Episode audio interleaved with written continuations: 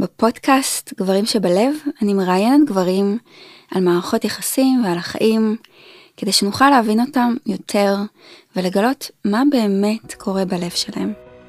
מוכנות להתחיל?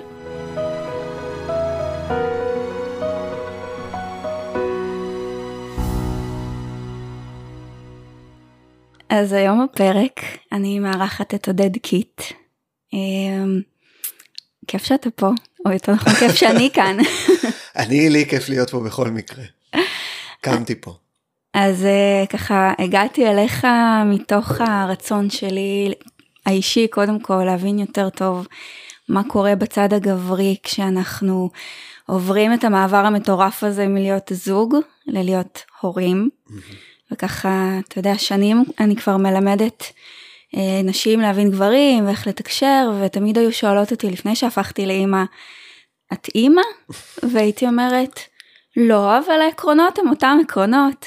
ורק אחרי שהפכתי לאימא אז הבנתי שזוגיות אחרי שהופכים להורים היא שונה לחלוטין.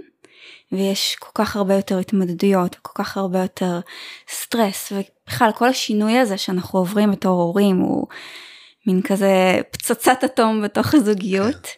ובשנתיים וחצי האחרונות אני ככה לומדת לראות וליישם את, את כל התכנים האלה של להבין גברים בתוך זוגיות של אה, אחרי לידה. Mm-hmm. ונורא בא לי ככה שנדבר היום על באמת מה קורה בצד הגברי, כי okay. כן. מדברים המון על מה קורה אצל נשים, ואנחנו ממש קלולס לגבי הצד שלכם. יכול להגיד שגם רוב הגברים הם clueless, כי הם לא, לא לגמרי מבינים, ויש משהו שלגברים הוא הרבה פחות זמין, וזה את היכולת לתקשר את הדברים. ובגלל זה גם שני הצדדים הם קצת clueless לגבי זה. אה, גברים, כמו שאנחנו יודעים בסטריאוטיפ הזה של גברים לא מדברים והם לא מתקשרים, אז מעצם זה שאנחנו לא שמים את הדברים על השפתיים שלנו, אנחנו לא יוצאים לחקור ולהבין רגע מה באמת קורה לנו.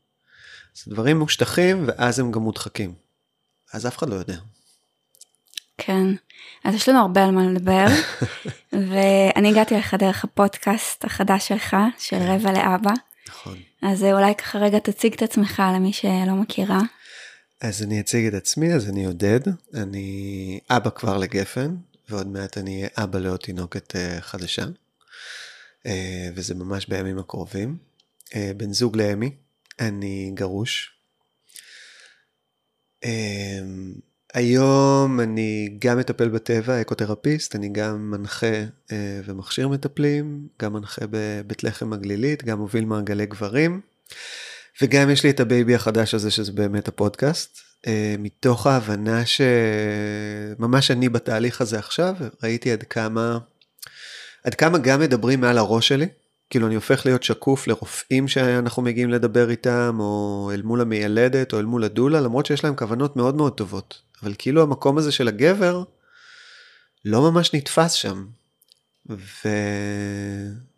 וזה ממש חיזק אצלי את המקום הזה של להבין שזה לא כי לא רוצים לראות אותי. זה כי אני כגבר בדרך כלל נתפס כמישהו שזה לא מעניין אותו, שלא ממש לוקח חלק. אתה ברקע כזה. כן, אני לא מתלווה, אני, אני עוזר להביא דברים, כמו שמישהו, אחד הגברים אמר לי, וזה כאילו, צד אחד זה נגע מאוד חזק, צד שני זה היה כל כך נכון, שנתפס בתור נושא כלים. אני זה שימלא את הבריכה כשאנחנו נלד פה בבית וימלא את המים, ואני זה שילך להדליק את הנר ולעשות כל מיני דברים, אבל בעצם אני נתפס כמו איזה דמות רקע, שאיפשהו לפעמים זה אפילו יכול להיות איזה מישהו שהוא נעלם מאחורי הדולה, מאחורי המיילדת, מאחורי אה, כל הדמויות האלה, ויש לי המון מה להגיד על זה, כי זה גם, זה לא שעושים לנו את זה. זה אנחנו כגברים גם אחראים לזה במובן מסוים, מתוך הפחד שלנו להיות מעורבים. זאת אומרת, פחות תופסים את המקום. כן. ואז מתוך זה היה לי מאוד חשוב להתחיל לספר רגע, קודם כל לפתוח את זה כשיח. שיותר ויותר גברים יספרו את הסיפורי לידה שלהם. ישתפו ויביאו את זה מתוך מקום שהוא לא ציני, הוא לא מרוחק, הוא לא מתלונן ורק אומר עד כמה זה היה קשה, עד כמה זה היה נוראי, אלא רגע את החוויה האמיתית שבן אדם כבן אדם שיש לו לב, שיש לו רגשות, עובר. וכחלק מזה גם לתת כלים למי שהולכים להיות אבות, איך להפוך להיות יותר מעורבים בכל התהליך הזה. אז זה המטרה של הפודקאסט, זה הוציא אותי למסע מדהים. באמת, כאילו, הסיפורים שיוצא לי לפגוש וה... בכלל, העומק הזה שאנחנו כגברים נושאים בתוכנו ואין לנו הרבה פעמים עם מי לשתף אותו, פתאום הוא מתחיל להתגלות וזה ממש מרגש. אז, uh... נראה לי גם זה שובר איזשהו מיתוס כזה של הגבר שלא מעורב, שזה לא מעניין אותו, שפחות נוגע בו. כן. זה יושב שם על, על משהו מאוד, אה, מאוד אה, מאתגר כאילו לפצח אותו, כי בעצם אחד הדברים שגברים מאוד מאוד צריכים, רובנו, לא כולנו, אבל לרובנו זה חלק ממערכת ההפעלה שלנו, זה הערכה. ואם אנחנו לא מוערכים, אז קשה לנו להביא את עצמנו במקום הזה, ואנחנו נלך למקומות שבהם אנחנו כן מוערכים. אפרופו, בגלל זה ציניות אה, גוברת ו- ומנצחת בהרבה מפגשים חברתיים. כי אני מקבל את השכר הכי פשוט שיש, אני רואה מישהו מולי צוחק. קיבלתי את הערך שלי. במקום שבו אנחנו חושפים את עצמנו, אנחנו חשופים אולי לביקורת, או לפעולה שהיא לא מדויקת ולא נכונה, אנחנו נרחיק את עצמנו משם. וככה יוצא מצב שבו אנחנו לא ניכנס לסכנה הזאת באופן לא מודע, זה לא בכוונה. אבל אנחנו לא ניכנס למקומות האלה שבהם האישה עלולה להתלונן עלינו על אחת כמה וכמה בתקופה שבה אין לנו דרך לצפות מה נכון ומה לא נכון. מה שהיה נכון לפני דקה, בעוד רגע הולך להיות ההפך הגמור והולך להיות נוראי. קשה להמון גברים לקבל את זה, כי אני לא אקבל שם הערכה. וואו, זה כאילו איזשהו מרחב שבו, איך שאני חווה את זה, גברים מרגישים פחות בנוח, פחות זה הטריטוריה שלי, זה כאילו משהו של האישה, ואז אני מרגיש אולי באמת אה, שזה, שזה פחות המקום שלי, ואני פחות מעורב, ואני קצת מרחיק את עצמי, ואולי גם אני מקבל ביקורת, ואז זה, מין לופ כזה שמזין את עצמו. בטח ובטח ב... כשאנחנו חושבים על זה, על המסע הראשוני הזה של זוג בפעם הראשונה שהם יולדים. זה הרי פעם ראשונה שהם חווים את זה, אין להם שום פרספקטיבה אמיתית, לא משנה כמה סיפורים יספרו להם, לא משנה שום דבר, פתאום כשזה בתוך הבית שלהם, בסלון שלהם, זה מפחיד, זה ממש מפחיד. ואז בעצם בתשעה חודשים, אחד הדברים שאני אגב, אני, גילוי קטן, אני את ההיריון הראשון של הבת שלי, הוא קרה בעצם אחרי חודשיים של זוגיות עם אימא שלה. זאת אומרת שלא הייתה לי שום אינדיקציה לייחס את זה לאיזה בן אדם היא באמת, כי עדיין היינו איפשהו בשלב ההתאהבות. ופתאום היא נכנסה להיריון. פתאום מתגלה שם בן אדם אחר לגמרי. וזה מציף מתוכי כל מיני פחדים, כל מיני חששות, כל מיני אה, תהיות על, רגע, אז ככה זה הולך להיראות כל הזמן מכאן והלאה? לנצח זה הולך להיות כזה? אני חוטף לא מעט אה, האשמות, או לא מעט תלונות, או לא מעט עד כמה אני לא בסדר ב-XYZ. ואני קולט שככל שזה מתקדם, אני מדבר אז על הזוגיות ההיא, היום זה כבר הגעתי לזה בצורה קצת אחרת, ככל שאני מתקדם, ככל שעובר הזמן, אני רואה שאני מצמצם את הפעולה שלי יותר ויותר, כי מפחיד אותי ממש לעשות משהו לא בסדר, כי המחיר של זה יהיה כבד. להיכשל. כן. ואז זה באמת מביא בסופו של דבר לרצות להיות רק נושא כלים. תגידו לי מה לעשות, אני לא לוקח שום יוזמה, כי היוזמה הזאת מסוכנת לי. וואו. אה, אני חושבת שהחוויה, כאילו יש איזה חוויה של לבדות בשני הצדדים מאוד מאוד גדולה. שלנו כנשים שאנחנו נכנסות גם עבורנו לטריטוריה חדשה, שהיא לא מוכרת, של פתאום הגוף שלי משתנה, פתאום יש לי תינוק ביד ואני צריכה ללמוד איך להתמודד איתו, והחוויה היא מאוד שונה בין מה שהגבר עובר לבין מה שהאישה עוברת, ומתחיל להיווצר שם ממש איזושהי תהום ממה שאני רואה. זאת אומרת, עכשיו ש... שהפכתי לאימא, אז זה ממש אה, נולדה בי תשוקה להתעסק עם הנושא הזה, ופתחתי לאחרונה קורס שמיועד לאימהות, ואני רואה איך ההתמודדויות שם הם, מאוד ייחודיות. וספציפית סביב המקום הזה של אני מרגישה נורא לבד, אני לא מקבלת מספיק עזרה, הוא בשלו, הוא בחיים שלו, הוא יוצא לעבודה, אני בבית עם התינוק. ומתחיל הרבה התחשבנויות, mm-hmm. הרבה כזה פנקסנות, ומי עושה מה, והמשאב הזה של הזמן ושל השינה נהיה כל כך אה, יקר. Okay. כן. ו- ואני חושבת שכאילו בא לי שנפתח את זה רגע, כי אנחנו מכירות, נשים שהן אימהות ושומעות את הפודקאסט, מכירות מה אנחנו חוות מהצד שלנו. Mm-hmm. אולי גם, גם אתם שומעים הרבה על התלונות שלנו, ומעניין אותי רגע באמת שתעזור לנו להבין מה קורה בצד הגברי. כן. זאת אומרת, מה גבר חווה אחרי שפתאום הוא הופך לאבא? אז קודם כל אמרת תלונות ואני כזה בתוכי אומר רגע זה תלונות זה לא תלונות אבל אם אני הולך למקום הראשוני של באמת איך רוב הגברים גם מתקשרים את זה ביניהם ואז הופכים את זה לאמת זה תלונות. וברגע שאנחנו לא אמרתי את זה קודם אני גם חלק ממה שאני עושה אני גם מטפל זוגי. אני עובד עם זוגות חשוב. בדיוק על השלבים האלה. אמ, וברגע שאנחנו שמים משהו כתלונה אנחנו מרחיקים את עצמנו מהיכולת להיות אל מול זה באמפתיה ולהבין את הצורך האמיתי שקיים שם. ובאמת הרבה גברים מתוך השיח הפנימי הגברי משווים בעצם את רמת התלונות וזה הופך להיות כבר איזה מין אמונה מאוד ברורה שהאישה מתלוננת. היא לא צריכה משהו, היא פשוט מתלוננת. לא משנה מה אני אעשה, היא תתלונן על משהו אחר אז אני... עכשיו, איפשהו מהצד הגברי, אני אגיד את זה אולי רגע מהשלב הראשוני, כשנולד ילד, אחד, יש, יש שלושה אה, אלמנטים בסיסיים בכל גבר, איפשהו ברמה ההיסטורית שלנו. יש את שלושת התפקידים של provider, aggressor ו protector.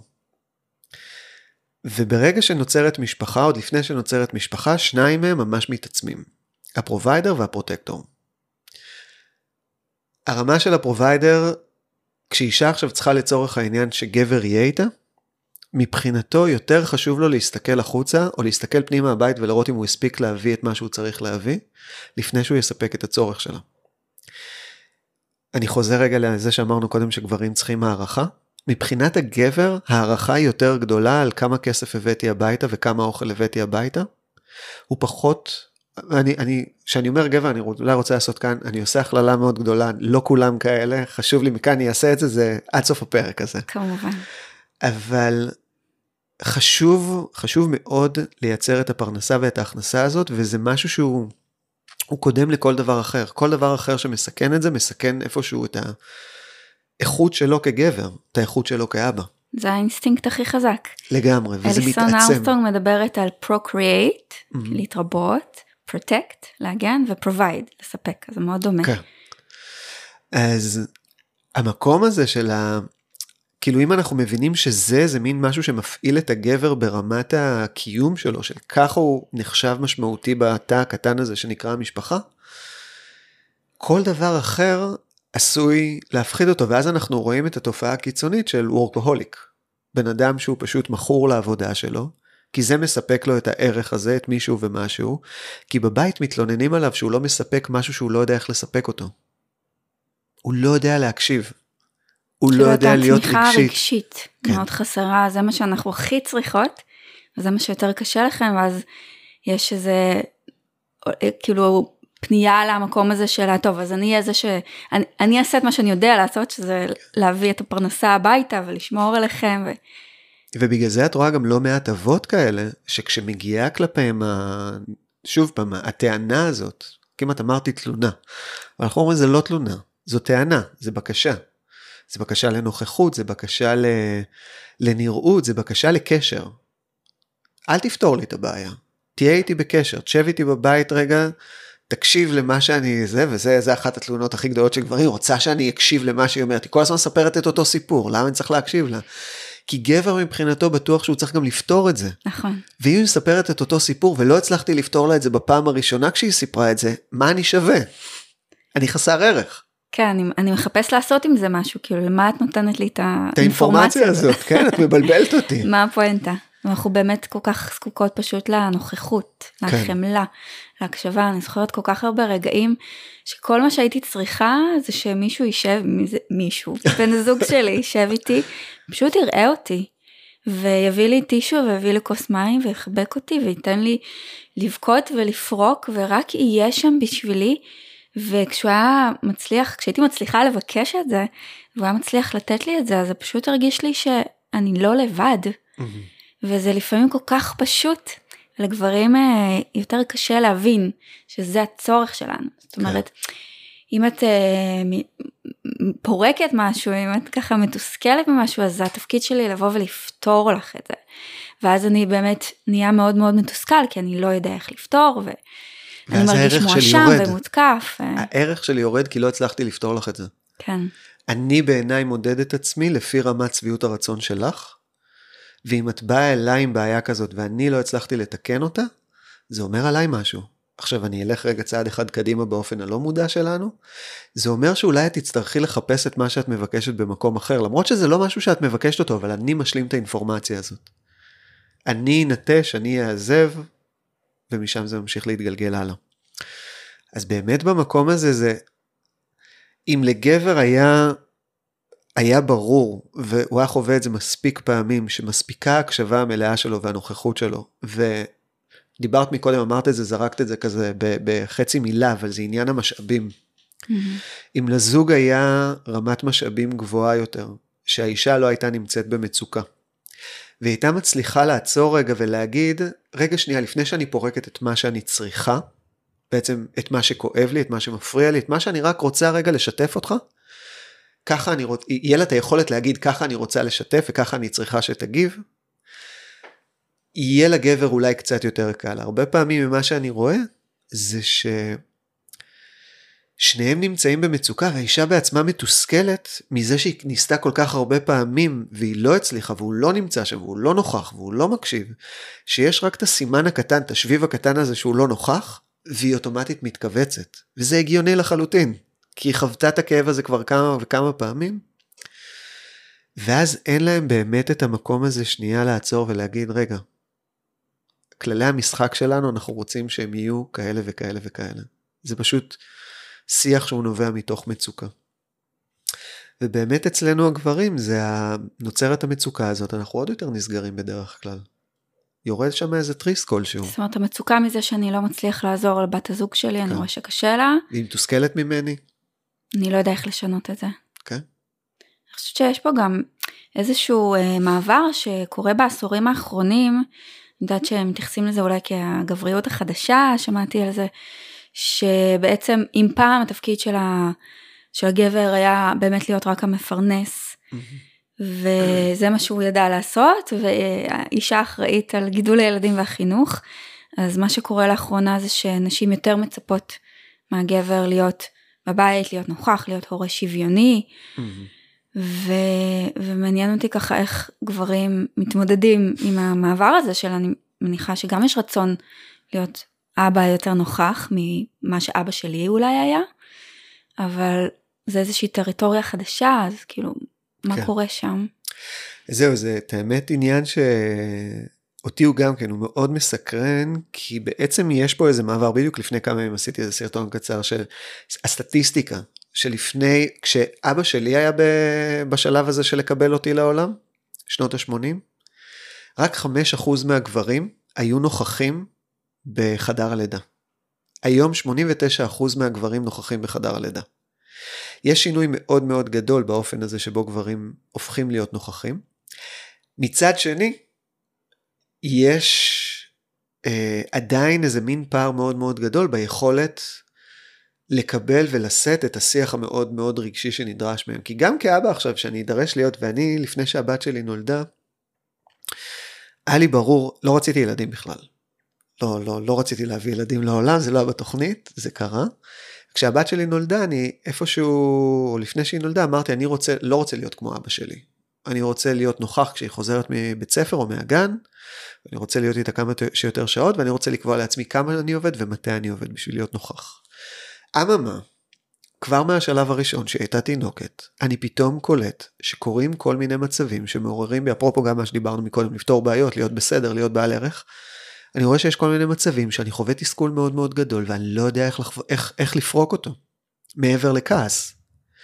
זאת אומרת שהיא מאתגרת אותך. היא מאתגרת אותי, אני חווה חוויה רגשית מאוד מאוד גדולה. אף אחד לא דיבר איתי מעולם על איך לבטא את הרגשות האלה ואיך לחיות עם הרגשות האלה ומה קורה כשהם עולים ואיך איך לתת להם להיות לצורך העניין.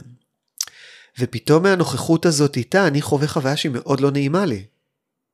כי אני, אני אגיד רגע בפן האישי שלי, אני הייתי ילד מאוד מאוד רגיש כשגדלתי. אחד המשפטים שחוויתי אותם מגיל מאוד צעיר ודי חיוותו אצלי משהו, זה תפסיק לבכות, ואם אתה בוכה תלך לחדר, ואם אתה לא תפסיק לבכות אנחנו ניתן לך סיבה לבכות. וואו. אוקיי? כשאחותי בכתה זה לא היה ככה. נראה לי זה סיפור של הרבה גברים. יפה. לא נתנו לגיטימציה, מקום לקושי, לכאב, לבכי. וכשאנחנו לא זוכים לפגוש את זה בתוכנו קודם כל, לפני שאנחנו פוגשים את זה ממישהו בחוץ, אנחנו מאוד מאוימים על ידי זה. וכשאתה נדרש להיות בבית, או אתה בוחר להיות בבית, לאו דווקא נדרש, אתה נחשף לזה. אם תרצה או לא תרצה, הילד שלך יבכה, הבת זוג שלך תהיה מתוסכלת. אה, לא לדבר על הבת שלי היום בת עוד מעט שמונה. אז באה חברה, מהר מאוד יש חוויה רגשית מאתגרת. שתי בנות. שתי בנות, היא לקחה לי את זה, היא עשתה לי ככה, ומעליבות אחת את השנייה, ו... וזה פתאום חושף אותנו כגברים, בהנחה שאנחנו באמת רוצים להיות שם בבית ומוכנים לעשות את הצעד הנוסף הזה של להיחשף לזה ולהרגיש את זה. זה רגע לפתוח מחדש לשאלה הזאת, מה זה אומר להרגיש? האם בטוח לי להרגיש? האם אני יכול להרשות לעצמי להרגיש? אמ, האם אני יכול להיות בנוכחות אל מול רגש? שוב פעם, כמו שאמרנו קודם, מבלי לנסות לשנות אותו. מבלי לתת איזה ממתק, מסך, אה, מוצץ, ופשוט שנייה להיות עם זה. ואני חושב שזה אחד האתגרים הגדולים, כאילו, את יודעת, אפשר לשים בצד את כל התפעול, כאילו, את כל הבגדים, אוכל, כל הדברים האלה, כאילו באמת, גבר יבין את זה מהר מאוד. כן, גלעד לקח את זה על עצמו, את ה... לעשות את המדיח, להכין את התיק ליציאה, את זה כאילו, והוא שונא את הדברים האלה, אבל הוא לקח את זה על עצמו, וכאילו, נראה לי, במיוחד בחודשים הראשונים, הפן הזה של ה... אשכרה להתמודד עם התינוק הוא mm. קצת יותר, אה, יותר מאתגר. זה פתאום, אה, ושוב אני גם פה חשוב להגיד רובנו לא כולנו, בתנועה שלנו בעולם מאוד מאוד גסים ביחס לנשים. זאת אומרת גסים בתנועות שלנו, בכוח שלנו. ב... מה שלא עובד בכוח עובד בעוד יותר כוח. כן, ואם זה לא עובד יותר בכוח אז אנחנו נילחם בזה עד שזה יישבר. ופתאום יש משהו כל כך רך בידיים שלנו, שגם מהשיחות האחרונות עם גברים, כאילו הייתי בטוח בהתחלה זה רק שלי. יש לא מעט גברים שחוו את הפחד הזה מלהחזיק את התינוק שלהם בפעם הראשונה. והפחד הוא הפחד הזה שיש בידיים שלי משהו כל כך עדין, ואני יודע על עצמי שאני גס וכוחני, ואני עשוי לשבור את זה. וואו. ממש, זה מחזיר אותי ממש ללידה שלי, אני עברתי לידה קיסרית וגלעד היה שם לקחת את התינוק, כאילו אני ראה אותו לפני שאני ראיתי אותו ו- ו- ופתאום הדבר הקטן והוא בחיים שלו לא החזיק תינוק לפני זה. והוא היה כאילו ממש חסר אונים, ופתאום מלמדים אותו איך לחתל ומה לעשות.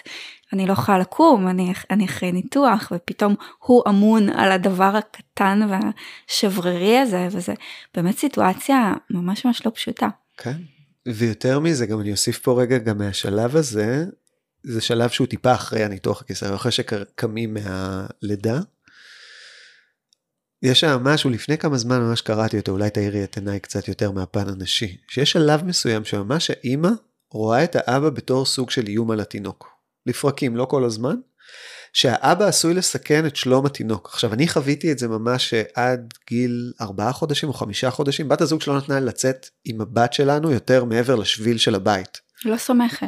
ממש לא סומכת. אני רציתי, גרנו בהרי ירושלים, היה לי פינה בסטף, שהייתי אוהב להגיע אליה, פינה מדהימה.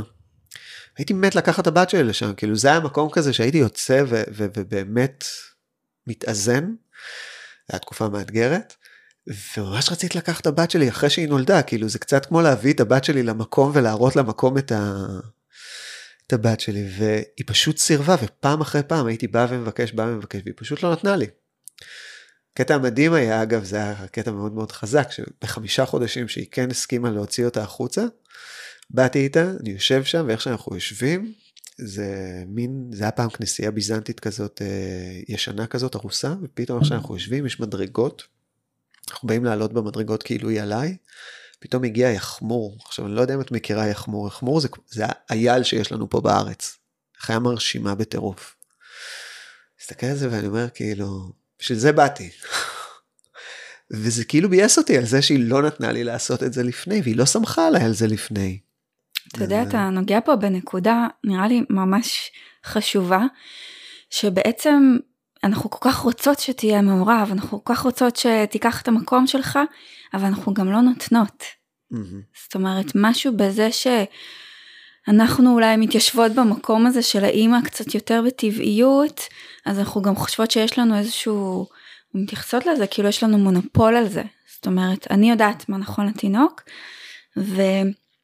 ונוצר מצב שבאמת אני המון שעות עם התינוק, לא משנה, גם אם האבא יחסית נוכח בבית, אני מניקה, אני יותר, אני יותר איתו, אני mm. יותר, יש לי כאילו מין זמן להתנסות ולהבין, וכשאני מתנסה אז אף אחד לא עומד לי מעל הראש ואומר לי, תעשי ככה, תעשי אחרת, אני ניסוי וטעייה. אוקיי, הוא עייף, לא, הוא בעצם רעב, ולאט לאט אני מבינה איך לתפעל את הילד או הילדה. אבל אז כשהאבא ניגש ורוצה להתנסות, אז הרבה פעמים, וגם אני חטאתי בזה, אה, אנחנו כזה לא תעשה ככה לא אבל אבל אתה אתה לא מחזיק אותה נכון כאילו מתחיל איזה תפעול כזה ואני חושבת תגיד לי אתה אולי מהחוויה שלך שזה מאוד מוריד את הביטחון mm. של גברים שכאילו לא נותנים לי להתנסות רק אני הופך למין ממלא הוראות כזה ואז אני בעצם לא מצליח בכלל לצבור ביטחון כן. בתור אבא. וזה קודם כל זה באמת מאוד מאוד מוריד את הביטחון של האבא ב... במשמעות שלו, שוב פעם, בתוך התא המשפחתי הזה. זה מחזיר אותי אחורה לנושא כלים. לאותו זה דופס כזה, זה מין משהו מגושם, שלא יודע איך להתנהל עם זה, צריך שיגידו לו מה לעשות. ואני רואה את זה גם באמת עם זוגות בשלב קצת יותר מאוחר של ילד בן שנה, מה שזה מוביל בהמשך, הגבר רוצה מה שנקרא to claim his place. ולקחת איזה סוג של ownership בהורות הזאת, החינוך, בהמשך, וזה מוביל פשוט לריבים מטורפים, כי הוא למד בשלב מוקדם שאין להם יכולת לנהל שיח, הוא צריך להילחם על המקום שלו. וזה מוביל למלחמות באמת מיותרות, כי בסופו של דבר זוגות, השני הורים יש, יש דברים מאוד טובים שהם רוצים עבור הילד, אבל בגלל העמדה המוקדמת שהם למדו לאורך הדרך, הם פשוט לא מוכנים להקשיב לטוב הזה ששניהם רוצים עבור הילד. אז זה מעניין אותי גם לדעת, את יודעת, את העלית את זה עכשיו ומעניין אותי לדעת עד כמה נשים יכולות לתת איזה מודעות או להכניס מודעות למקום הזה שבו, כי נראה לי שיש שם משהו מאוד ראשוני שרוצה להגן על התינוק מהאופן שאולי האבא עכשיו יעשה טעות כלשהי. אז כאילו האם נשים יכולות בכלל לזהות את זה, לעצור את עצמן, לפנות טיפה את הדרך, לפנות טיפה מקום, לתת לאבא לעשות טעויות, לסמוך על זה שהתינוק לא יישבר. כן, זה דורש המון מודעות ואני חושבת שממש בחירה, כי אינסטינקטיבית באמת, אני חווה את עצמי הרבה פעמים כמין לביאה מגוננת כזאת של כזה, לא, אתה, אתה פוגע בילד או משהו כזה, אבל אני לומדת לראות עם הזמן שדווקא יש שם איזה, כשאני מאפשרת ומשחררת, אז יש שם איזה איזון מאוד בריא. זאת אומרת, אם אני בתור אימא, ואני שומעת את זה גם מאימהות אחרות, אנחנו מאוד מגוננות, מאוד כזה צמר גפן, מאוד ש, שהילד לא יבכה, ששום דבר כזה, והאבא כאילו מביא הרבה פעמים איזושהי עמדה יותר אה, מאתגרת. אוקיי, אז, אז הוא יהיה, אז הוא יחווה תסכול, זה בסדר, תתני לו לבכות. ויש בזה משהו בריא, זאת אומרת נראה לי שהטבע לא, זה לא איזה פשלה של הטבע, כן. זה ככה הטבע התכוון שיהיה את הצד הזכרי ויהיה את הצד הנקבי, ושניהם מספקים לילד משהו מאוד חשוב, הוא צריך גם את האהבה ללא תנאי הזאת וגם את המקום ש- שטיפה מאתגר, אה, כמובן יחד עם אהבה גם ללא תנאי, אבל אני חושבת שזה מוביל להמון קונפליקטים בין שני הצדדים של גישה שונה בהורות, כמו שאמרת, כאילו שאנחנו מגיעים מאיזושהי נקודה שונה, וגם מעניין אותי אולי כזה שרגע נסתכל על זה ביחד, למה יש שם פער מאוד גדול בין הרבה פעמים הגישה שהאימא מביאה, mm-hmm. לבין הגישה שהאבא מביא, ואיך שאני רואה את זה, זה הרבה פעמים הופך לאיזה מאבק כוחות, mm-hmm. וככל שכל אחד ככה מתבצר בצד שלו, אז זה מחמיר עוד יותר, וזה בסופו של דבר על חשבון הילד. אה, על חשבון הילד, על חשבון החוויה שלו, על חשבון דפוסי ההתקשרות שלו, זה ממש, זה ממש משפיע, זה דיברת וזה העלה לי כל מיני דברים שכאילו הייתי רוצה לגעת בהם, אני חושב שאולי קודם כל להתחיל מהבסיס רגע, ולהגיד שבעצם בכל אחד מאיתנו, לא יודע אם דיברת, אני מניח שדיברתם על זה, שבכל אחד מאיתנו יש את הזכרי ואת הנקבי. ויש לנו צורך גם בזה וגם בזה, הנקבי שיודע להכיל, שיודע להקשיב, שיודע לקבל, שיודע להזין, ה... והזכרי שיוצא החוצה, שהולך להביא, ש... שמכוון מטרה, שמשיג דברים בחיים. הנקבי רוצה לשמור על השלום ועל הבריאות ועל ה... והזכרי מוכן להסתכן ולצאת ולשאת את המחיר שיהיה שם, בדיוק כמו שנתת מקודם את הדוגמה של אה, אבא שבעצם אומר, אוקיי, החוויה הזאת שהילד עכשיו יחווה, שהוא יבכה, הוא יכול לשאת אותה, אני סומך עליו, אני מאמין בו, ואני מזמין אותו לפגוש את הקצוות שלו. בזמן שאצל האמא מתעורר משהו שאומר, לא, לא, לא, לא, לא, לא. אסור שהוא יבכה כי הוא חייב לדעת שהעולם הוא מקום שלם ומושלם ושכל הזמן יהיה לו טוב ונעים ורך ו... ושתי האיכויות האלה כמו שאמרתם מאוד מאוד חשובות. אני אגיד רגע את הצד הגברי איך אני שומע את זה ואז אני אספר כאילו את החוויה שהייתה לי. הרבה פעמים כשילד ילך עכשיו ילד ילדה ילכו עם האבא לטיול בלי האמא שלב טיפה יותר מאוחר אולי. הילד יצא ויחווה כל מיני דברים, ילך, יקפוץ, ילתכלך, ייפצע אפילו, והאבא גם מאוד מאוד יעודד את זה ויכווין את זה. ואז האבא יחזור חזרה הביתה, ואיך שהוא יחזור הביתה, משהו בילד יתפרק, ואימא שלו עכשיו תבדוק איתו אם הוא נפצע ישר, מה קרה לך, אוי ואבוי וכולי וכולי, והילד יבכה. הוא עשוי אפילו להיות הרבה יותר, אני אומר במרכאות נידי. ואז מה שאבא יבוא ויגיד, ואני שמעתי את זה בכמה וכמה וכמה שיחות בעבר, איך האימא מקלקלת את הילד. איך האימא הורסת אותו, לפני שנייה הוא יצא, הוא השתעשע, הוא נהנה, היה לו כיף, הוא התפרע, איך שהוא פוגש אותה, היא מקלקלת אותו, ישר הופכת אותו לסמרטוט, לרכיחה, לכל מיני כאלה.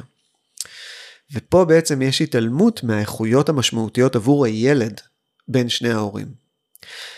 ראיתי את זה פשוט על הבת שלי. הבת שלי, אנחנו התגרשנו כשהיא הייתה בת שנתיים וקצת. זה היה שלב כבר שבאמת היא כבר יוצאת באמת פיזית יותר לחקור את העולם, היא כבר יותר מתרחקת ממני, היא כבר נמצאת בשלב היותר מתנשא וסקרן. הייתי הולך איתה ליער, היא הייתה מתקדמת איזה 30 מטר קדימה, קופצת, מחפשת מתחת לאבנים, נפצעת, הכל. הייתה מגיעה לאימא, הייתה ישר מתחילה לבכות, וזה עצבן אותי, ואז בשלב מסוים פשוט הבנתי שאני לא יכול לספק לה את ההכלה הזאת. עכשיו זה לא שאני לא יכול, אני יכול לספק לה והיום אני מספק לה אותה בצורה די מלאה. אבל היא לא רואה בי, אין לי את החזה הרך הזה, אין לי את הידיים הרכות האלה, אין לי את הבטן הרכה הזאת שמייצרת לה את, הר... את הקר הזה הרך שאפשר לשים עליו את הראש ולקבל שם את ההאזנה הזאת. מצד שני, כשהיא נמצאת איתי, יש לה את הביטחון המלא להתרחק הכי רחוק שיש, כי היא יודעת שאני רואה אותה, יודעת שאני מקשיב לה, יודעת שאני אהיה שם כשהיא תצטרך אותי. אתה שומר עליה. ויש לה את ה... זה בדיוק הפרוטקטור. כן. ויש לה את המקום הזה של לחקור את העולם ולחזור חזרה לספר לי מה היא מצאה. אחרי זה קיבלתי פידבק גם מחברים וזה היה מדהים לשמוע את זה שראו אותה לפעמים איתי במופע איתי ולפעמים במופע עם אמא שלה ואומרים לי תשמע עם אמא שלה היא פשוט לא עוזבת אותה היא כל הזמן צמודה אליה היא לא מוכנה לשחרר אותה כשהיא איתך. עכשיו אני מדבר איתך על ימים היינו יכולים לנסוע לצפון נגיד לקמפינג וכאלה והיא חוזרת רק כשיש אוכל. ובהתחלה באמת העמדתי את זה כנגד אמא שלה ואז כשהבנתי את זה אמרתי אין שום דבר כנגד אמא שלה ממנה היא מקבלת את ההאזנה הזאת וממני היא מקבלת את ההאזנה הזאת. וזה מה שיבנה לה את האישיות הבריאה הזאת בעולם, גם להעניק את זה אחרי זה. להעניק את זה אחרי זה למי שיגיע כצאצאים עבורה ובזוגיות שלה ובכל מקום אחר, את היכולת הזאת גם בלהיות לבד, בלצאת החוצה לעולם, בלצאת לחקור, וגם בלחזור הביתה ולדעת שיש לי מקום בטוח לחזור אליו. וואו, זה ישר מעלה לי, כאילו, אתה יודע שגלעד אומר לי דברים כמו, הוא תלוי בך מדי, או את כזה יותר מדי כאילו שומרת עליו, מגינה עליו, זה כאילו מה אני אעשה, זה האינסטינקט שלי בתור אימא, כאילו, זה הילד שלי, קשה לי, כאילו אנחנו עדיין, הוא בן שנתיים וחצי, אנחנו עדיין באיזה תהליך של ספרציה, והוא ישן איתי בלילה, ו... וכן, הוא מאוד תלוי בי, mm-hmm. אבל אני מאוד סומכת על זה שאני נותנת לו את הביטחון שהוא צריך, ושכשהוא ירגיש ביטחון, הוא גם ילד מאוד כזה שדווקא מתנסה ואני גם נותנת לו לקפוץ ולרוץ ודווקא אני זאת שיותר אה, יותר משחררת וגלעד הוא יותר המפחד בקטעים האלה כן זה מעניין. אמ, אבל אבל אני סומכת על זה ש, שזה מה שהוא צריך כדי להתבגר וככה להרגיש אה, ביטחון במישהו בעולם ושתמיד יש לו בית לחזור אליו ולקבל את האהבה ללא תנאי הזה. ו- ותוך כדי ככה ש- שאתה מדבר אז עולה לי מילה מאוד חשובה שנראה לי מאוד חשוב להנכיח אותה פה בשיח הזה זה המילה של כבוד. Mm-hmm.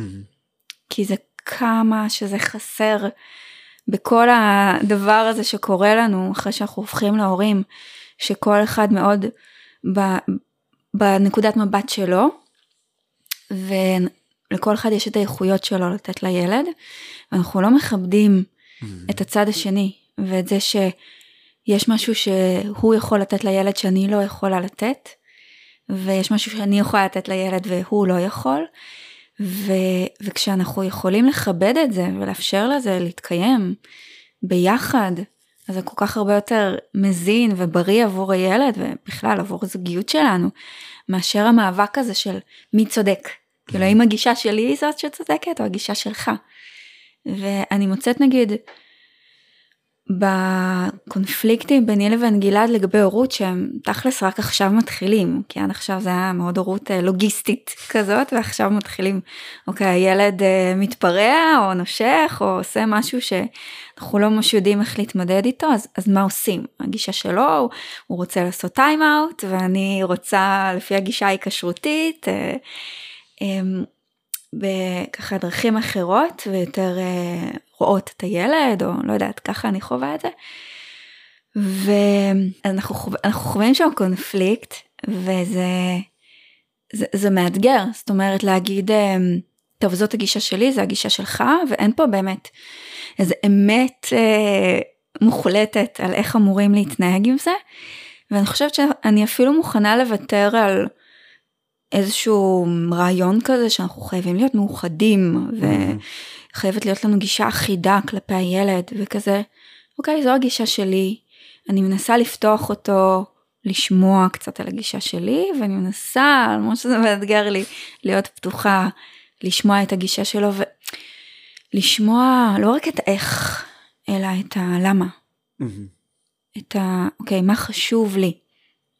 ברגע שאני שומעת מה חשוב לו, אז יותר קל לי להיפתח לזה, להגיד, אוקיי, אני, אני רואה שם יש לך אולי אה, אה, דרכים אחרות להתמודד עם זה, אבל בסוף גם אתה רוצה בטובת הילד, ושם אנחנו יכולים להתחבר ולכבד ולמצוא ככה דרך האמצע. Mm-hmm. ואולי אה, עם אבא זה יהיה בדרך מסוימת ועם אמא זה יהיה בדרך אחרת. זה בסדר, זאת אומרת כשהורים גרושים אולי אתה יכול אה, להעיד מהניסיון שלך, כשהורים גרושים זה בסדר, שבבית של אבא זה ככה, בבית של אמא זה ככה. כן. אין שום ברירה אחרת. כן. ממש אין שום ברירה אחרת, כאילו זה... זה משהו שאת את מדברת ואת האמת הדבר הראשון שעולה לי עוד לפני כבוד, עוד לפני המקום, או זה בא יחד עם כבוד. הרבה הורים מגיעים בשלב קצת יותר מאוחר לטיפול עם הילד. צריך לטפל בילד. יש בעיה אצל הילד. יש בעיה כלשהי עם איך שהילד גדל, עם התנהגויות כאלה ואחרות. ותכלס, זה לא, לא, לא אצל הילד, זה קודם ההורים. כל אצל ההורים. עכשיו, אם אנחנו הולכים כמה צעדים אחורה ואנחנו מהרגע הראשון מבינים שבשביל שלילד יהיה טוב, כי אנחנו רוצים, כל אחד, הרי הבחירות החינוכיות שאנחנו עושים, זה חלק מזה זה גם כי אנחנו רוצים שלנו יהיה נוח וקל ולפי איך שטוב לנו. Let's face it. מה זה הדבר הזה שכל הזמן מאתגר אותי כאילו אני לא חתמתי על זה. לגמרי.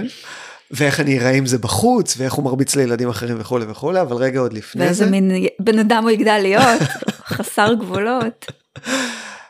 אבל יש לנו גם רצון אני נוטה להאמין יש לנו רצון לטובת הילד. טובת הילד שבעצם לילד תהיה חוויה בחיים אה, טובה, מעצימה, מטיבה, הוא ילמד את מה שהוא צריך ללמוד בחיים בשביל להיות בן אדם שיש לו איכויות ויכולת להוציא לפועל כל מיני דברים וכולי וכולי, אני אומר את זה כבר כמובן בתור גבר כזה שמסתכל על מה הוא עושה בעולם.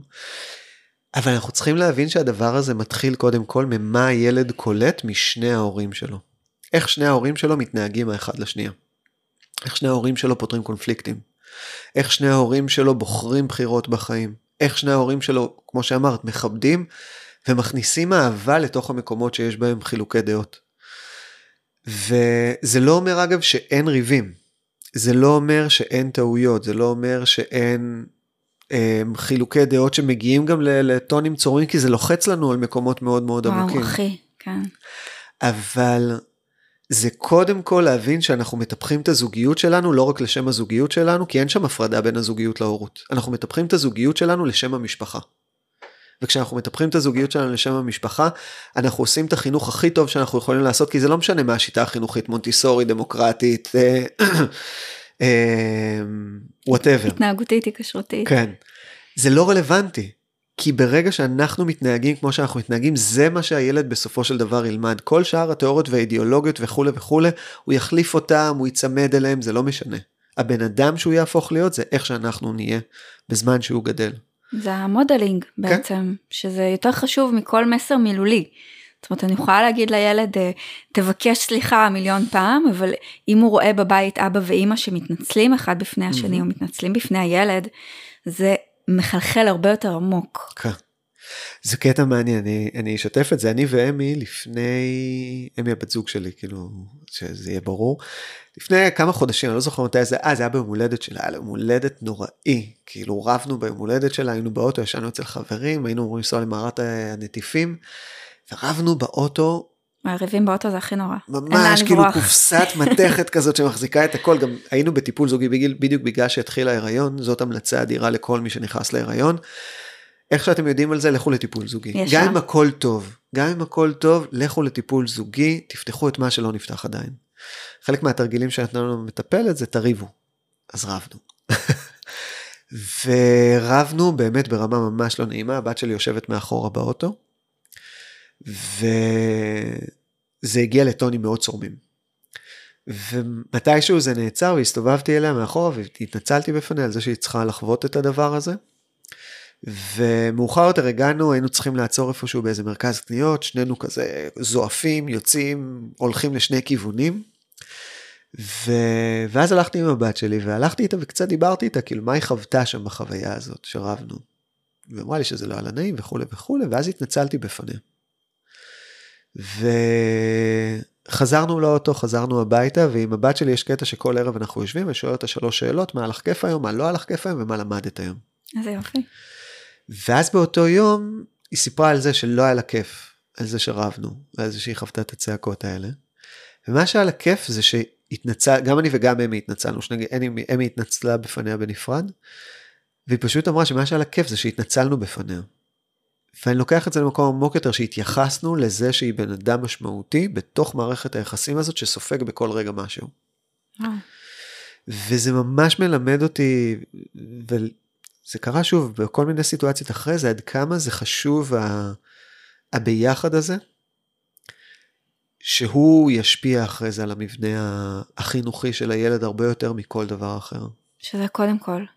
כן, גם אנחנו כשאנחנו יוצא ורבים מול אבי, אז מאוד חשוב לנו, זאת אומרת, פעם אה, בהתחלה כזה קראתי על, על ריבים מול הילד ואיך זה משפיע, וזה כזה נורא הם, הטריד אותי. שהוא יראה אותנו רבים, וקראתי שזה בסדר שילד יראה את אבא ואמא רבים, כי זה חלק מהחיים, וכאילו זה עדיף שהוא יראה את זה מאשר שהוא סתם ירגיש מתח ולא יבין מה קורה, אבל שהוא גם יראה אותנו משלימים. Mm-hmm. כי זה חלק שכאילו רבים, צועקים בסלון וזה, אבל אז בחדר אה, שינה מתנשקים ומתחבקים ומתנצלים. כן. ודווקא שהוא יראה את החלק הזה אנחנו תמיד תמיד תמיד אם היה איזה פיצוץ אנחנו מקפידים כזה להביא תראה הנה כאילו אבא מחבק את אימא אבא מתנצל אמ, יש חזרה לקרבה זאת אומרת mm-hmm. וזה באמת המודלינג הזה שאתה מדבר ש, שזה כל כך עוצמתי שהילד יראה אוקיי יש לפעמים חילוקי דעות ולפעמים רבים כמו שאתה גם אנחנו מנסים מאוד לגשר את זה mm-hmm. זאת אומרת נכון אבא ואמא רבו נכון לפעמים אתה. גם רב עם חבר, אבל אנחנו עדיין אוהבים, וזה לא בגללך, זה לא באשמתך. זאת אומרת, כן אמ, להתייחס לזה ולגשר על זה ו, ולהסביר ש, okay. שקודם כל אנחנו, אנחנו אוהבים. ויש בזה נראה לי משהו מאוד מלמד אפילו עבור ילד של אוקיי אז אני אני אריב עם מישהו אני אכעס ובסוף אני אני אתנצל או אני אחזור לקרבה. כן, כן זה אני, אני רגע אחזור גם כן שוב פעם לנקודת מבט הגברית ואני משתף הרבה מהחוויה שלי גם, כאילו באמת את המקום הזה, שוב פעם, כן, אנחנו מדברים כזה יותר על גברים ועל... בתוך הסיטואציה הזאת, זה המקום שאנחנו קצת נחים בו. בתוך הסיטואציה הגברית הזאת, ואני אני רואה את עצמי בתור בן אדם שעשה לא מעט תהליכי התפתחות, לא מעט צעדים בתוך המקום הזה, בתוך העולם הזה, ועדיין לפעמים בתוך המרחב הזה שיש קונפליקט, יש בי משהו שנסגר והופך את בת הזוג שלי לאויב. וממש יורד לי התריס, וזה דורש ממני מאמצים מאוד אדירים בשביל לחזור ולראות אותה בתור חברה ובתור מישהי ש... שהיא שותפה לדרך. ואני חושב שבמקום הזה זה להבין ולהגיד עד כמה זה חשוב אה, גם טיפול זוגי, כל כלי, זה לא משנה, תקשורת מקרבת, כל דבר שיכול להעניק לבני הזוג את האמצעים לחוות את החוויות האלה במציאות ולחזור חזרה לתקשורת, אבל להבין שזה לא, זה לא נמצא במערכת ההפעלה הראשונית שלנו כמשהו שהוא נגיש, צריך ללמוד אותו. Mm-hmm. ולפעמים יש זוגות אגב שמאוד uh, רואים את זה כלא, למה אני צריך ללמוד את זה? זה כאילו משהו שבני אדם, אני הייתי אמור להגיע איתו ומשהו לא בסדר איתי אולי ואני לא, לא, תבינו ש... בטח ובטח אצל רוב הגברים זה לא משהו שמופיע אצלנו בילט אין, זה היה אולי בעבר אבל כל כך לא השתמשנו בזה שזה פשוט לא זמין. וזה דורש רגע אה, רענון או עוררות מחדש וכן זה דורש תעשו קורס ביחד תעשו סדנה ביחד תעשו כמה סדנאות ביחד על ללמוד את הכלים האלה של לחזור להיות בקשר אחרי שרבנו. ושוב זה בשביל הילדים. כן כאילו ממש חשוב לי גם. תמיד לנרמל את הסיטואציות האלה. זאת אומרת, אני שומעת במיוחד עכשיו בקורס של האימהות הרבה, זאת אומרת, אה, התפוצצנו והרבנו והוא אמר לי ככה ואני אמרתי לו ככה וכאילו בתוך ה... דיברנו על זה בהתחלה, כאילו הסטרס המטורף הזה שאנחנו חווים, בטח בשנה שנתיים הראשונות של ההורות, זה, זה כל כך מתרגר. אנחנו תמיד עייפים, אנחנו תמיד עצבניים, אין לנו מספיק זמן לבד, אין לנו... כאילו יש שם כל כך הרבה גורמי לחץ וזה פשוט טבעי. ואנחנו לא מקבלים עזרה או מקבלים מעט מאוד עזרה, זאת אומרת, יש, הדרך שבה אנחנו מגדלים ילדים היום היא מאוד לא טבעית, mm-hmm. זה לא אמור להיות ככה, אבל זה המצב, והיריעה קצרה, זאת אומרת אנחנו כל הזמן במאבק, ו- וזה טבעי, זאת אומרת זה טבעי ש, ש, שנריב, זה טבעי שיצא מאיתנו, אני קוראת לזה איש ואשת המערות, כאילו איזה משהו כזה fight flight כזה, mm-hmm. וצדדים מאוד לא יפים בנו, וזה מקום, כאילו קודם כל להגיד זה קורה לכולם, זה אחד, גם אם לא כולם מדברים על זה בחוץ, כולם מעמידים פנים כלפי חוץ, כן. ש...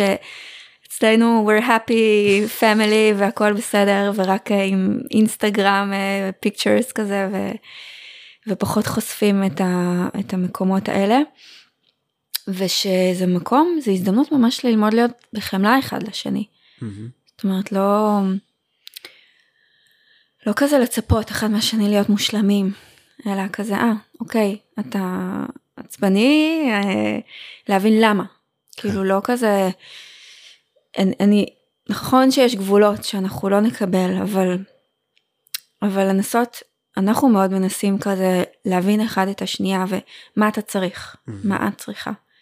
אה, אתה צריך את הזמן שלך לבד, אני צריכה דווקא את הזמן ביחד, ואני יודעת שכשאני אכבד את מה שהוא צריך ואדאג למה שהוא צריך, אז הוא יהיה אבא הרבה יותר סבלני, נוכח, בן זוג הרבה יותר אוהב, וזה אינטרס שלי. Mm-hmm. אז אני רוצה לתת לו את זה, אני רוצה לפרגן לו. ואותו דבר, הפוך, ו- והמקום שלי זה להגיד מה אני צריכה ממך. אני צריכה את ההקשבה, אני צריכה את הזמן ביחד, אני צריכה שתראה אותי בתוך מה שקורה. ואז אנחנו באמת יותר יכולים להיות שותפים. זאת אומרת, יש את המקום, המקומות האלה שאנחנו מרגישים שאנחנו אויבים, mm-hmm. אבל אם אנחנו זוכרים מתחת לזה שאוקיי זה לא אישי זה משהו פה איזה נקודה נלחצה ואנחנו יכולים לקחת אחריות על הצד שלנו להתנצל לחזור לקרבה להבין אוקיי מה אנחנו יכולים ללמוד מזה.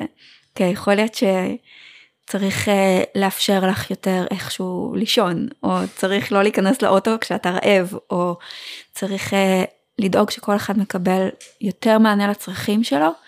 אני חושבת שזה מה שהציל אותנו, מציל אותנו mm-hmm. בתוך ההורות הזוגית הזאת. אמ, היכולת הזאת לזכור כל הזמן שאנחנו בשותפות ולחזור לשותפות ו, וכשיש קונפליקט אז אוקיי מה אתה צריך מה אני צריכה כדי שנהיה פה יותר ביחד. אז שוב זה, זה חוזר לשיחה הזאת של משאבים. כן. של uh, להבין באמת, לקחת את זה צעד אחד קדימה שהוא חשוב, של אם אנחנו יכולים אפילו לנצל את הזמן בזמן ההיריון לפני הלידה, להבין איפה, איפה ממש הנקודות הכואבות כשאין לנו משאבים. כי יש דבר שנקרא חלון עוררות. חלון העוררות זה האזור הזה שבו אני יכול לתפקד בצורה מיטיבה כשכל הצרכים שלי נענים. צרכים הבסיסיים, שינה, מזון, סקס, מחסה. שזה לא קורה אף פעם כשאנחנו הורים. כשאנחנו הורים זה נפגע משמעותית. הדברים הבסיסיים ביותר נפגעים ממש משמעותית, ואז מתחיל להתעורר השד מבפנים. והשד מתחיל להילחם על, על לפעמים מלחמות ממש מיותרות, אבל זה נובע כי המשאבים שלי הם דלים. עכשיו, כמו שאת אמרת, בעיניי זה דבר סופר קריטי. ויש שאלה מאוד פשוטה שהיא אמנם מגיעה לקצה השני, לממש הצלחה הגדולה, ולשאול את הבן או בת הזוג שלי, מה יכול לגרום לי להרגיש נאהב? מה עשוי לגרום להרגיש נאהב? זה אוכל, זה חיבוק, זה מתנה, זה זמן לבד אולי, זה מילה טובה. הערכה. הערכה. הדבר הזה נקרא, מי שרוצה מוזמנת להיכנס לכל הנושא שנקרא שפת האהבה, שפות האהבה, חמש שפות האהבה.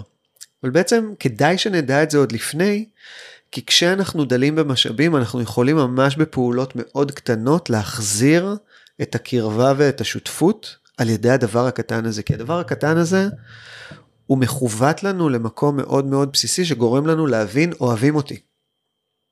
ומספיק עכשיו שסתם דוגמה, לבת הזוג שלי לצורך העניין אין זמן בבית להכין עכשיו את המאכל שאני הכי אוהב, אבל היא ידעה לשלוח הודעה נגיד לחברה שתארגן לה איזה משהו, זה לא צריכה להיות מנה גדולה, זה יכול להיות הדבר הקטן ביותר, אבל כשאני מגיע ואני רואה אותו והוא עושה לי טוב, הוא לא רק ממלא לי את הבטן, הוא ממלא לי את הלב ואת היכולת להבין, וואו, היא חשבה עליי, זה חשוב לה. אם אני בתור בן זוג, אני יודע שהבת זוג שלי צריכה מגע, והמגע עושה לה טוב, גם אם אין לי כוח. מספיק שאני אעשה לה את זה חמש דקות, זה כבר פותח אצלה משהו, וזה עוזר לנו להתקרב, וזה עוזר לנו לזכור שאנחנו נמצאים מבן אדם שחושב עלינו ורוצה את טובתנו. ולא צריך בהכרח מילים שם, אלא אם כן זו שפת האהבה שלנו. וזה כבר משהו שמתחיל לפתוח לנו את המקום הזה של המשאבים, בדיוק בתקופה הזאת שהמשאבים שלנו מלכתחילה הם דלים. וזה מין, נקרא לזה האקינג. לזוגיות. אבל כדאי להבין את זה עוד לפני, שלא נגיע לשעות המשבר כשרגע אז בוא ננסה להבין מה אנחנו צריכים. כן, אפשר אחרי המשבר לנסות להבין. ואני חושבת שזה מחזיר אותנו למה שהתחלנו איתו, שבאמת הכוונות שלנו הן כל כך טובות, של שני הצדדים, ואנחנו פשוט לפעמים לא רואים את זה. Mm-hmm. כי כשאני צריכה את ההקשבה ואתה חושב שהדרך שתביע את הכוונות הטובות שלך זה ללכת ולפרנס, אז יש שם איזה משהו שהולך לאיבוד. Mm-hmm. ואם אתה מבין מה אני, מה השפה שאני צריכה ואני מבינה מה השפה שאתה צריך, mm-hmm. אז באמת יותר קל לנו לראות את הכוונות הטובות אחד של השנייה. כן. יש משהו שדיברנו עליו לפני זה וחשוב לי כן להנכיח אותו גם כאן כי הוא משהו שהוא נעלם מהעין ולא שמים לב אליו. והוא דינמיקה שחוזרת הרבה פעמים. התחלנו לדבר על זה קצת קודם, על זה שהאבא הרבה פעמים מודר. הוא מודר מהיכולת שלו לטפל בתינוק בצורה המטיבה ביותר, האמא לא לגמרי סומכת עליו לפעמים אפילו, וזה משהו שצריך להיזהר ממנו ממש, לדבר על האבא, גם על האמא, בכלל, בתוך הזוגיות ובתוך הבית, לשים לב לשפה שלנו ואיך אנחנו מדברים על הבן אדם השני בזלזול, בבוז, גם אם זה לא בפניו. בעיני אנשים אחרים זה אומר משהו עלינו וזה מש, משפיע אחרי זה גם על הקשר שלנו. אבל יש כל מיני מהלכים שאנחנו לא שמים לב והם לא נעשים בזדון. אבל הם בסופו של דבר גורמים לאיזה סוג של אה, מין דחיקה של האבא. עכשיו, יש משהו שקורה באופן טבעי שהאימא מייצרת קשר הרבה יותר עמוק בהנחה שהאימא בבית ולא אבא בבית רוב הזמן כי זה גם קורה שאבא בבית. בהנחה שהאימא בבית יותר מהזמן מתוקף המציאות הזאת קורה מצב שבו האמא קשורה יותר לילד. וזה שהאימא קשורה יותר לילד, היא גם נושאת את האמונה הזאת שהיא יודעת יותר טוב מה הילד צריך. וברגע שזה הופך להיות השפה בין בני הזוג, הגבר בתוכו מתחיל לפתח את השפה הזאת שאני לא יודע ואני לא מבין, אז אולי עדיף לי להתרחק. ואז מתחילים לקרות עוד דברים מסוימים שבהם אה, לפעמים יכולה להישלל מהגבר, אפילו לאורך תקופה, לא תמיד, אבל היכולת לקלח את הילד, או באמת להיות עם הילד בזמן הרדמה. ולפעמים לחלק מהגברים זה מאוד נוח כי זה לא מציב את עצמם, לא מציב אותם בסכנה הזאת שאולי אני אעשה את זה לא טוב. אבל מצד שני זה ממשיך הלאה ודיברנו על זה בטלפון, הדוגמה המאוד קיצונית של אימא שמרדימה את התינוק ושניהם נרדמים על המיטה. והתינוק כרגע נרדם בצד של האבא, ואבא לא ייכנס למיטה הזאת באותו לילה כי הוא לא, מפחד להעיר את התינוק. הוא יודע מה זה אומר להעיר את התינוק הזה עכשיו. זה לא רק להעיר את התינוק, זה גם האמא תתעצבן עליו על זה שהוא העיר את התינוק, ואז הוא יספוג גם את הבכי של התינוק וגם את הכעס שלה. זה משהו שקשה לו לשאת אותו. הוא ימצא את עצמו ישן על הספה בסלון. ואז הדבר הזה יקרה פעמיים באותו שבוע. ואחרי זה זה כבר יהפוך להיות איזה כלי נוח וקל, והוא יהפוך את זה כבר לשלוש פעמים וארבע פעמים. ואז קורה מצב שגבר בלי לשים לב ובלי כוונה שמישהו עשה את זה בכוונה, פשוט מוצא את עצמו מחוץ. כמו מודר כזה. כן. ואני זוכר שהייתה לי את החוויה הזאת בשלב מסוים, וזה לאו דווקא המקרה אצלנו, כאילו אני, לא היה לי בעיה לקחת את גפן, להרים אותה, לשים אותה במיטה שלה, הכל בסדר. אבל היה לי לא מעט סיטואציות אחרות שהן מגיעות עוד הרבה לפני, שהרגשתי שאני, אני מגיע לבית, אני כאילו מספק לבית את האנרגיה, אבל אני האחרון בשרשרת המזון. ויש את האימא שתומכת בתינוק, והתינוק מקבל את האהבה גם שלי וגם של האימא. והאימא יש לה גם מתוקף היותה, מה שלא דיברנו עליו, אבל גברים לא יודעים להיות חברים. משהו חשוב להגיד אותו בהקשר הזה. האימא יש לה הרבה פעמים רשת. רשת של עוד אימהות, יש לה מקומות שלפעמים היא יכולה ללכת אליהם והתקשרו איתם. מעגל כן. אימהות. וגם אם זה לא מספיק זמן, אבל זה מקומות שבהם יש מישהו שהיא יכולה לדבר איתו רגע את החוויה הרגשית. גבר מגיע הביתה, לפעמים הוא מגיע הביתה למשמרת שנייה כי הוא עבד, ואז מגישים לו את התינוק ככה, אני הייתי עם התינוק הזה כל היום, עכשיו אתה תיקח אותו. הוא נמצא עם התינוק, והוא בעצם נותן את האקסטרה אנרגיה שיש לו, אבל אין שם אף אחד שהוא יכול להישען עליו. יש כאלה שזכו במשפחה או בחברים קרובים שכן נותנים את המענה הזה, אבל יש המון גברים שלא זוכים לזה, ובסופו של דבר הם מאוד provider ים, הם מקבלים את הערכה על זה. אבל אין להם את המקום לפרוק. גבר לא ילך לטיפול. אני שוב פעם עושה הכללה, יש כאלה שכן, אבל הרוב, בטח בשלבים האלה, לא ילכו לטיפול.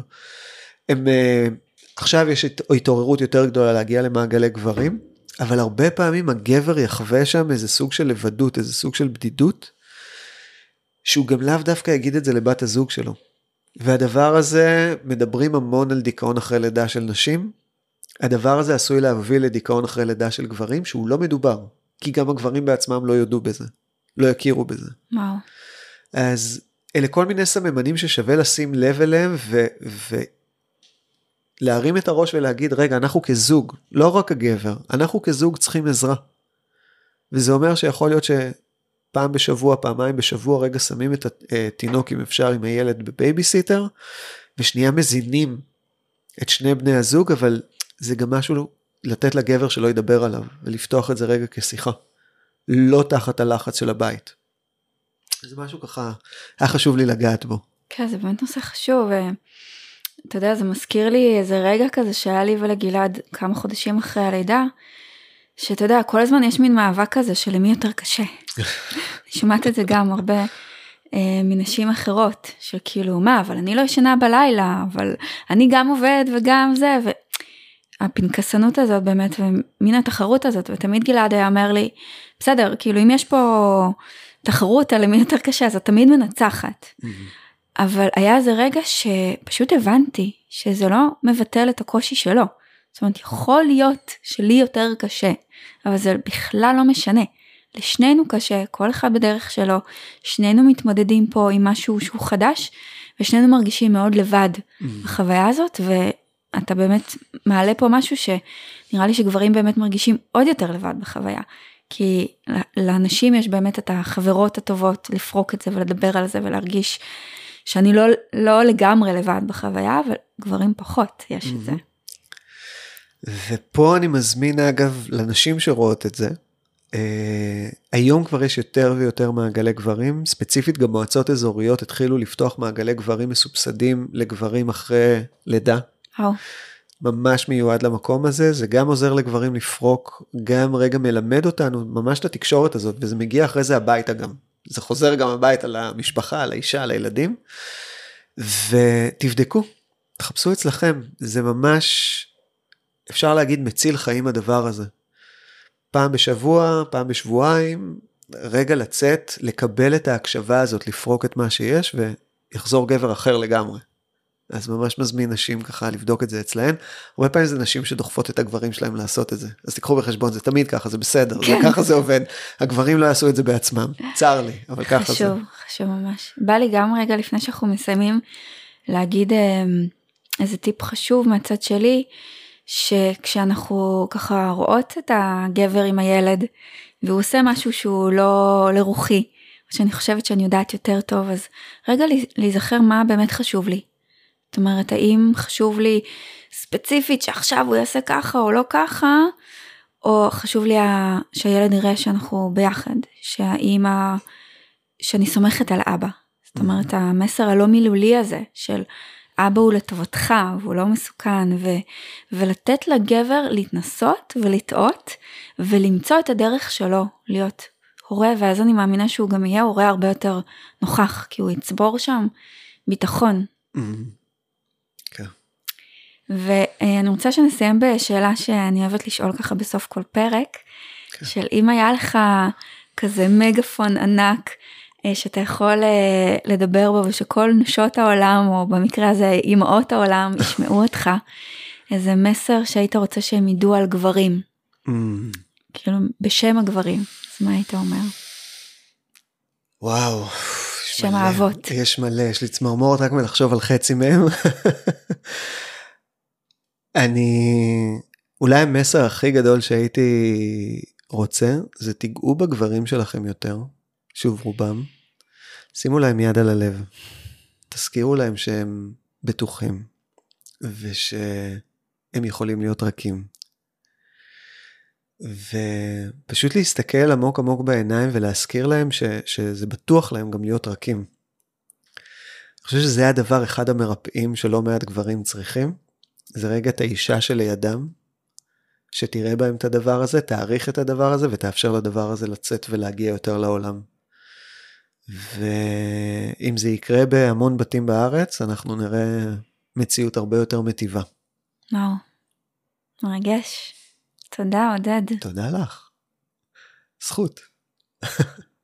שהלוואי שככה המידע הזה יחלחל אה, לעוד בתים וככה יקרב יותר בין הצדדים. אמן. תודה שהקשבתם לעוד פרק גברים שבלב. אני מקווה שזה היה לכם משמעותי, ואם כן, אני מזמינה אתכם להיות חלק ממסע ריפוי בין המינים, ולהפיץ את הפודקאסט הזה לחברות. מוזמנות לעקוב אחריי בפייסבוק, בקהילת תודעת המלכה, או באינסטגרם, ומאוד משמעותי לי לקבל את הפידבקים שלכם. אפשר לכתוב לי גם במייל info את תודעת מקו אמצעי המלכה.co.il